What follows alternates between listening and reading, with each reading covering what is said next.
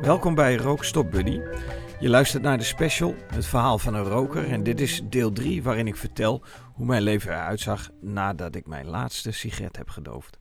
Luisteraars met een zeer scherp gehoor kunnen horen dat ik een beetje een rasp heb in mijn stem. Dit heeft alles te maken met de hoge temperaturen van de afgelopen dagen. Ik slaap dan ook met de ramen tegen elkaar open, zodat er een lekkere frisse bries over mijn lichaam waait. Uh, nadelige bijkomstigheid is wel dat je wat sneller uitdroogt. En dat is weer terug te horen in mijn stemgeluid vandaag. Je gaat luisteren naar het verhaal van mijn leven na het doven van de laatste sigaret.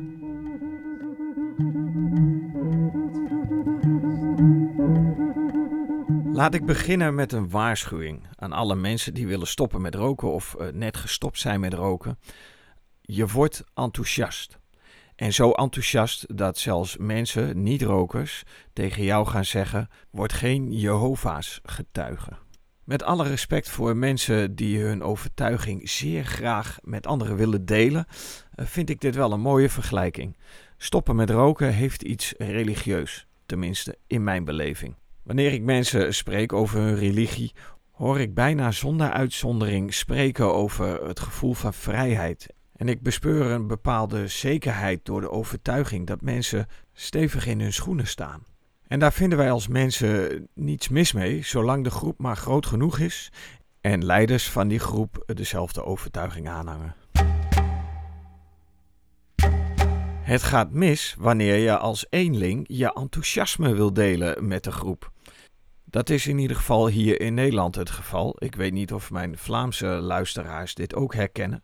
Maar wanneer je enthousiast reageert, steek je je spreekwoordelijke hoofd boven het maaiveld uit en ben je een gemakkelijk doelwit voor de seis of de sikkel die de groep zeer graag hanteert. Wat ik misschien nog wel het meest verbazingwekkende vind hieraan is dat uh, de meerderheid van de Nederlandse en Vlaamse bevolking uh, zijn niet-rokers. Dus hoe kan het dat een groep van bijna 30% zoveel invloed heeft op de publieke opinie dat er, wanneer jij je uitspreekt over roken en dat iets te enthousiast doet, daarop wordt gereageerd door jouw enthousiasme te temperen. En dit is letterlijk wat mij is verteld door een niet-roker. Maarten, word geen Jehovah's getuige. En dit was goed bedoeld advies, oprecht goed bedoeld advies. Want uh, de uitspraak kwam van een collega die vreesde voor mijn baan. Die zag de bui hangen dat wanneer ik mij enthousiast, activistisch zou gaan gedragen, dat het wel eens mijn baan zou kunnen kosten. Dat mijn collega uiteindelijk gelijk heeft gekregen en hoe dat precies zit, dat vertel ik in een aparte aflevering van deze special, die exclusief te beluisteren is voor mensen die leer denken als een niet-roker hebben gekocht. Ik kwam er dus al snel met harde hand achter dat ik mijn enthousiasme moest temperen en mij moest beperken tot feiten. Dus ik begon mijn verhaal te vertellen en gaandeweg onderbouwde ik dat met de zaken die ik vond op het internet over het stoppen met roken. Hoe de tabaksindustrie onze maatschappij heeft beïnvloed de afgelopen 100 jaar. En welke rommel er allemaal wordt toegevoegd aan tabak om eh, rokers maar te laten roken. En daarbij de kers bovenop de taart was natuurlijk de informatie die ik vond over hoe tabaksfabrikanten onze kinderen eigenlijk vanaf jonge leeftijd al beïnvloeden om ze te kunnen gijzelen als uh, nieuwe klant, replacement smokers. Het is ook niet voor niets dat mijn verhaal begint op 17-jarige leeftijd. En dan was ik nog een laadbloeier als klant van de tabaksindustrie. Maar hoe mild ik ook was, hoe goed onderbouwd mijn eigen verhaal was met de kennis die ik had vergaard in de afgelopen jaren, ik vond bijna geen gehoor.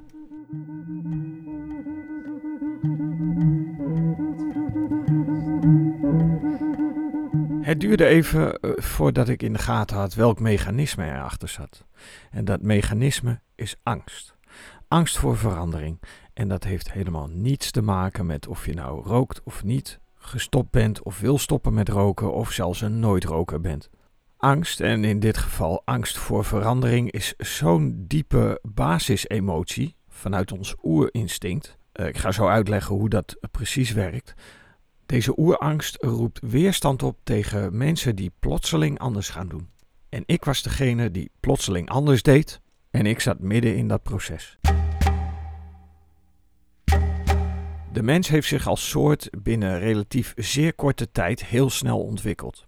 En we zijn de afgelopen eeuw, wat mij betreft, een beetje onze binding kwijtgeraakt met wat we werkelijk zijn: wezens van de natuur, zoogdieren. Als je gaat kijken naar hoe hersenen in elkaar zitten, de hersenen van de mens, dan kun je het verdelen in drie delen. Je hebt eh, de buitenste laag, dat is de neocortex, en daar vindt alles plaats wat wij logisch vinden. Hoe we bijvoorbeeld beredeneren waarom we welk gedrag vertonen. Daaronder bevindt zich het zoogdierbrein. En het zoogdierbrein is niet in staat om in taal te communiceren en weet eigenlijk alleen maar, doet eigenlijk alleen maar wat lekker is.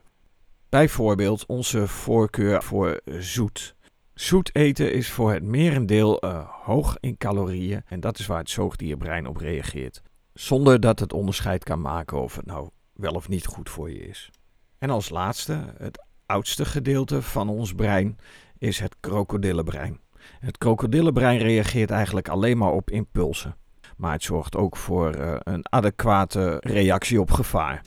Ook dit gedeelte van de hersenen kan niet communiceren in taal, zodat het helemaal geen zin heeft om tegen jouw innerlijke krokodil te vertellen: ik ga vandaag geen sigaret roken. Dat het wel nut heeft om jezelf te vertellen dat je niet wil roken vandaag, dat leg ik uit in Leerdenken als een niet-roker. Maar dan praat je tegen je neocortex en die gaat de boodschap weer doorgeven aan het zoogdierbrein. En die overlegt weer zonder taal met je innerlijke krokodil waar het gedrag wordt vastgelegd. Zodat je na lang repeteren, lang herhalen, jezelf beloont met het nieuwe gedrag. Je overschrijft als het ware uh, je rookgedrag. Ik hoop dat ik hiermee een beetje een beeld heb kunnen schetsen hoe het oermechanisme van angst werkt. En angst heeft nut. Hè. We moeten ervoor zorgen dat we niet zonder angst op de fiets door Amsterdam uh, gaan fietsen. Want dan zou je de bel van de aankomende tram waarschijnlijk negeren en gewoon doorfietsen. Met uh, alle gevolgen van dien, ben ik bang.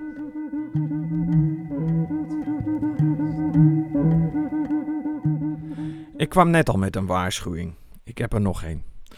Wanneer je stopt met roken, is het zeer waarschijnlijk dat je overgevoelig wordt voor tweede en derdehands rook. Misschien ken je ze wel, mensen die zijn gestopt met roken en zo nu en dan zeer overdreven kunnen reageren op de rookwolk waar ze in zitten als ze naast je wandelen terwijl jij een sigaret rookt of op het terras naast een rokende klant zit. Toen ik nog rookte, kon ik me daar nog niet zoveel bij voorstellen en dacht dat het een uh, overdreven protestreactie was. Maar je wordt dus als uh, ex-roker gevoelig voor rook. Ik mocht een tijdje geleden een presentatie bijwonen van Hugo Herwassers van de stichting Ik Stop Ermee.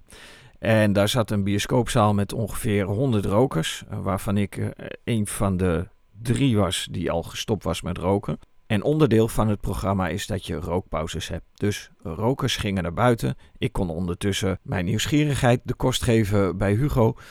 En na de eerste rookpauze druppelden de rokers langzaamaan weer eh, de zaal binnen.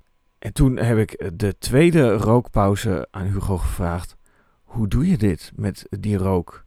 En toen zei hij ook: ja, dat went nooit. En voordat ik naar huis ga, dan kleed ik me altijd eerst even om. Ik ben nu zover dat ik je kan verzekeren dat wanneer jij bent gestopt met roken, niet meer het gevoel hebt van oeh, dat ruikt lekker, maar echt in de gaten krijgt dat roken stinkt, dan ben je wat mij betreft een niet-roker. Tot die tijd bevind je je in een risicogebied en hoe je met deze risico's kunt omgaan, daar kun je jezelf in trainen, gelukkig. Laat ik afsluiten met een eh, positief woord. Want sinds het uitdrukken van mijn laatste sigaret heb ik mij gefocust op het geld wat ik overhield. Dat is de beloning waar ik mijn zoogdierbrein mee heb kunnen voeden en wat als een olifantenpaadje is ingesleten in mijn krokodillenbrein. Ik heb dus ook gemerkt dat roken leidt tot armoede en dat uh, het leven van een niet-roker automatisch leidt tot rijkdom. Want ja, in de eerste instantie is het natuurlijk aan de oppervlakte heel zichtbaar. Je houdt, uh, in mijn geval was het geloof ik iets van 80 euro per maand over. Daar kun je leuke dingen mee doen. Maar als je die leuke dingen op een goede manier inzet, er een beloning van maakt voor jezelf, dan ben je jezelf aan het herprogrammeren. Ik zou het ook heel graag zien in stoppen met roken programma's. Je ziet het in, in de gebruikelijke apps terug. Hoeveel je niet hebt gerookt, hoeveel geld dat heeft opgeleverd. Uh, de beloning van je gezondheid, hè, hoeveel gezondheidswinst je maakt. Wordt allemaal inzichtelijk gemaakt in die apps. Maar ik zou het als onderdeel van een armoedebestrijdingsprogramma willen zien. Het stoppen met roken. Nou ja, mijn ideeën daarover, uh, daar ga ik in de toekomst nog verder over uitweiden. Ik kijk even op de klok. Ik zie dat er ruim 11 minuten verstreken zijn. Dat betekent dat ik ga afronden. Uh, zoals ik in de vorige aflevering ook al heb gezegd, zou ik het heel leuk vinden om reacties te ontvangen. Ideeën voor onderwerpen die je kan aansnijden in deze podcast. En eventueel uh, ideeën die kunnen bijdragen aan het verder uit, uh, uitontwikkelen van uh, de methode leerdenken als een niet-roker. En natuurlijk ook Rookstop Buddy, de 21 dagen die ik je ga begeleiden. Vanaf 15 augustus was de planning.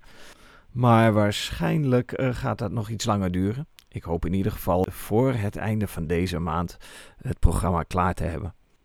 Reageren kan op uh, het e-mailadres maarten.nieuwstoer.nl of via het telefoonnummer dat is te vinden op de website nieuwstoer.nl of rookstopbuddy.nl. Dankjewel voor het luisteren en graag tot de volgende aflevering van Rookstop Buddy.